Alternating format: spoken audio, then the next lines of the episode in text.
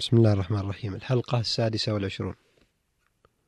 بسم الله الرحمن الرحيم. الحمد لله والصلاة والسلام على خير خلق الله محمد بن عبد الله وعلى آله وصحبه أجمعين وبعد.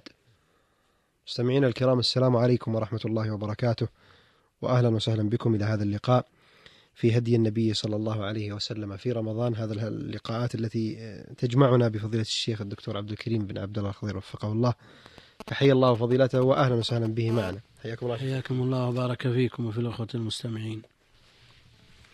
أيها الإخوة المستمعون الكرام ولا يزال الحديث عن هدي النبي صلى الله عليه وسلم في الصيام. وقد أورد ابن القيم رحمة الله تعالى عليه في الهدي في كتابه زاد المعاد في هدي خير العباد. فصلا قال فيه فصل في هديه صلى الله عليه وسلم في صيام التطوع. وذكر نبذا عن صيام التطوع. فهل لا تفضلتم فضيلة الشيخ باستعراض ما ذكره آه، الإمام ابن القيم رحمة الله تعالى عليه؟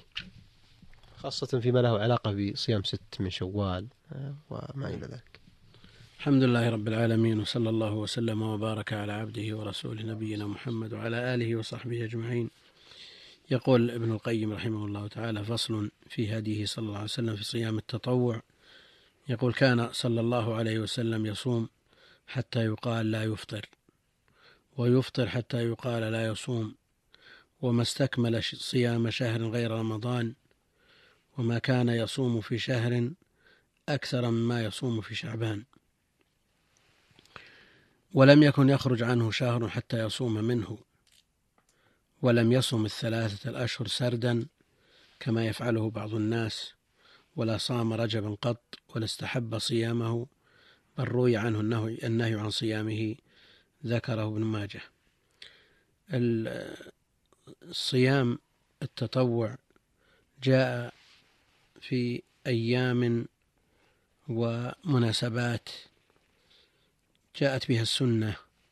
بينها ابن القيم رحمه الله تعالى فمن ذلكم صيام الست من شوال يسن صيام الست من شوال لقول النبي عليه الصلاة والسلام من صام رمضان وأتبعه ستا من شوال فكأنما صام الدهر كله. وهذه الست الحديث مخرج في الصحيح وهذه الست تجزئ من أول الشهر وأوسطه وآخره وأن تكون متتابعة ومتفرقة على أن تكون في شوال. وبعد تمام صيام رمضان على عند جمع من أهل العلم. وبعضهم لا يشترط تقدم القضاء على على صوم الست ولا غيرها من التنفل. والمسألة خلافية. يسن أيضا صيام أيام البيض الثالث عشر والرابع عشر والخامس عشر من كل شهر وسميت بيضا لأن لياليها تكون بيضاء بنور القمر وهي تغني عن صيام ثلاثة أيام من كل شهر الذي قال فيه النبي عليه الصلاة والسلام صيام ثلاثة أيام من كل شهر صوم الدهر كله متفق عليه وذلكم لأن الحسنة بعشر أمثالها. وجاء الأمر بصيام البيض فيما رواه أحمد والنسائي من حديث أبي ذر رضي الله عنه قال قال قال النبي صلى الله عليه وسلم من كان منكم صائما من الشهر ثلاثة أيام فليصم الثلاث البيض وسنده حسن. كما يسن أيضا صيام الاثنين والخميس والعلة في ذلك أنهما يومان تعرض فيهما الأعمال. على الله عز وجل. قال عليه الصلاة والسلام فأحب أن يعرض عملي وأنا صائم. وهو حديث حسن خرجه أحمد وأبو داود والترمذي والنسائي. والاثنين آكد من الخميس. ففي صحيح مسلم أن النبي عليه الصلاة والسلام سئل عن صوم يوم الاثنين فقال ذاك يوم ولدت فيه وبعثت فيه أو أنزل علي فيه فيستحب صيامه لهذه العلل التي ذكرها النبي عليه الصلاة والسلام وليس في هذا الحديث حجة لأهل البدع الذي تمسكوا به وتشبثوا به واحتجوا به على شرعية الاحتفال بالمولد نعم. مولد النبي عليه الصلاة والسلام ويقولون أن النبي عليه الصلاة والسلام شرع صيام يوم الاثنين لأنه ولد فيه فكذلك يشرع الاحتفال بمولده نقول لو كان خيرا لسبقنا إليه خيار هذه الأمة من الصحابة والتابعين والأئمة ومن تبعهم بإحسان إلى يوم الدين. فلا يعرف عن أحد منهم أنه احتفل بمولده عليه الصلاة والسلام وإنما أحدثه الفاطميون وهم أهل بدع وضلال وجهالة. نسأل الله العافية. يسن أيضا صيام الصيام في شهر الله المحرم وآكد وآكده العاشر ثم التاسع لما رواه مسلم في صحيحه أن النبي عليه الصلاة والسلام قال أفضل الصيام بعد رمضان شهر الله المحرم. وسئل النبي عليه الصلاة والسلام عن صوم يوم عاشوراء فقال أحتسب على الله أن يكفر السنة التي قبله. وقال عليه الصلاة والسلام لئن بقيت أو لئن عشت إلى قابل لأصومن التاسع. يعني مع العاشر. سن أيضا صيام تسع ذي الحجة وآكدها التاسع. لقوله عليه الصلاة والسلام ما من أيام العمل الصالح فيهن أحب إلى الله من هذه الأيام العشر. خرجه البخاري. والصوم من العمل الصالح. وسئل النبي عليه الصلاة والسلام عن صوم يوم عرفة فقال أحتسب على الله أن يكفر السنة التي قبله والسنة التي بعده وهذا لغير الحاج. أما الحاج فإنه لا يصوم ولا يسن له ذلك.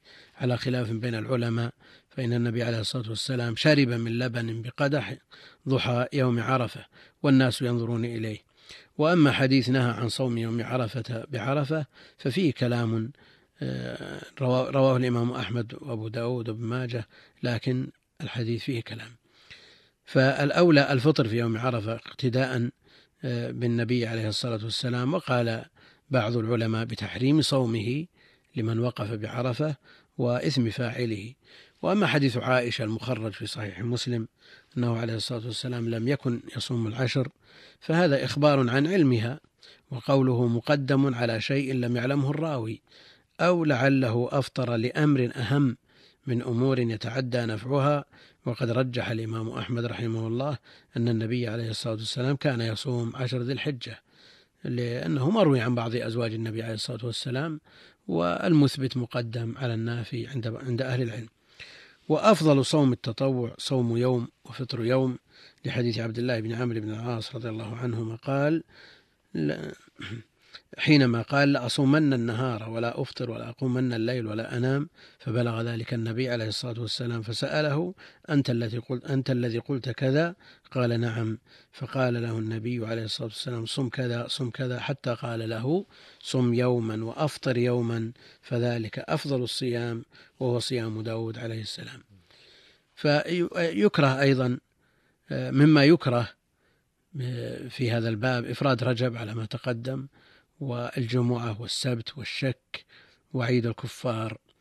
فكل ما يروى في فضل رجب أو الصلاة فيه أو الصوم فهذا لا يصح باتفاق أهل العلم. وقد ألف أبو الخطاب بن دحية كتابا أسماه أداء ما وجب في بيان وضع الوضاعين في فضل رجب. والحافظ بن حجر رسالة سماها تبيين العجب فيما ورد في فضل رجب. وعلى هذا لو صامه مع غيره فلا بأس أما إفراده فلا وكذا لا يخص بأي عمل شرعي يتعبد بإفراده كالعمرة وزيادة في القيام ونحوه. وأما الجمعة فيكره إفراد الجمعة بالصوم لحديث لا تصوموا يوم الجمعة إلا أن تصوموا يوما قبله أو يوما بعده وهذا الحديث متفق عليه من حديث أبي هريرة. روى مسلم من حديث أبي هريرة مرفوعا لا تخصوا يوم الجمعة بصيام ولا ليلتها بقيام. وعن جويرية بنت الحارث أم المؤمنين رضي الله عنها أن النبي صلى الله عليه وسلم دخل عليها يوم الجمعة وهي صائمة فقال أصمت أمس؟ قالت لا. قال أتريدين أن تصومي غدا؟ قالت لا. قال فأفطري. رواه البخاري. يكره أيضا إفراد يوم السبت وأما جمعه مع الجمعة فلا بأس لقوله عليه الصلاة والسلام لجويرية أتصومين غدا؟ وفي المسند وأبي داود والترمذي وحسنه وغيرهم من حديث عبد الله بن بسر عن أخته الصماء رضي الله عنهما قالت قال رسول الله صلى الله عليه وسلم لا تصوموا يوم السبت إلا ما افترض عليكم ولو لم يجد أحدكم إلا لحاء شجر. والحديث مختلف في حكمه حسنه الترمذي وصححه الحاكم وقال بعضهم إنه منسوخ آه، وحكم عليه بعض العلماء بالشذوذ. ولذا يختار شيخ الإسلام ابن تيمية أنه لا يكره إفراد يوم السبت بالصوم. أيضا يكره عند أهل العلم آه، بل يحرم صيام يوم الشك. وفيه قول عمار رضي الله عنه من صام اليوم الذي يشك فيه فقد عصى أبا القاسم صلى الله عليه وسلم. يكره أيضا صيام أو موافقة الكفار في أعيادهم في كموافقة صيام يوم السبت لأنه عيد اليهود أو صيام يوم الأحد لأنه عيد النصارى. فلا شك أن هذا فيه نوع تعظيم وموافقة لهؤلاء في تعظيم أعيادهم. مما يحرم صومه يوم العيدين. فصوم يوم العيدين حرام بإجماع العلماء. فلا يجوز لإنسان أن يصوم يوم العيد لأن النبي عليه الصلاة والسلام نهى عن صوم يومي العيدين عيد الفطر وعيد الأضحى. كما أنه لا يجوز صيام أيام التشريق لأن النبي عليه الصلاة والسلام قال فيها هي آه، أيام أكل وشرب وذكر لله عز وجل. فهذا يدل على أن هذه الأيام لا تصلح أن تكون أيام إمساك وهي ثلاثة أيام بعد عيد الأضحى.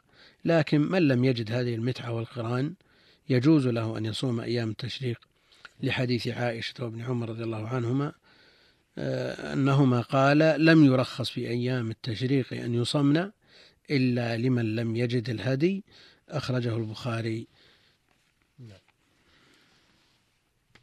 أحسن الله إليكم فضيلة الشيخ ونفع بما قلتم. أيها الإخوة المستمعون الكرام بهذا نصل إلى ختام هذه الحلقة التي تحدث فيها فضيلة الشيخ الدكتور عبد الكريم بن عبد الله الخضير وفقه الله حول صيام التطوع وحول صيام الست خاصة ست شوال. نسأل الله تبارك وتعالى أن يختم لنا رمضان بخير وبعتق من النار وبالقبول من لدنه. إنه سميع مجيب. أيها الإخوة نتقدم في ختام هذه الحلقة بالشكر الجزيل لفضيلة الشيخ الدكتور عبد الكريم بن عبد الله الخضير وفقه الله. ولكم أنتم مستمعين الكرام نلقاكم بإذن الله تعالى في اللقاء المقبل. بإذن الله تعالى وأنتم بخير والسلام عليكم ورحمة الله وبركاته.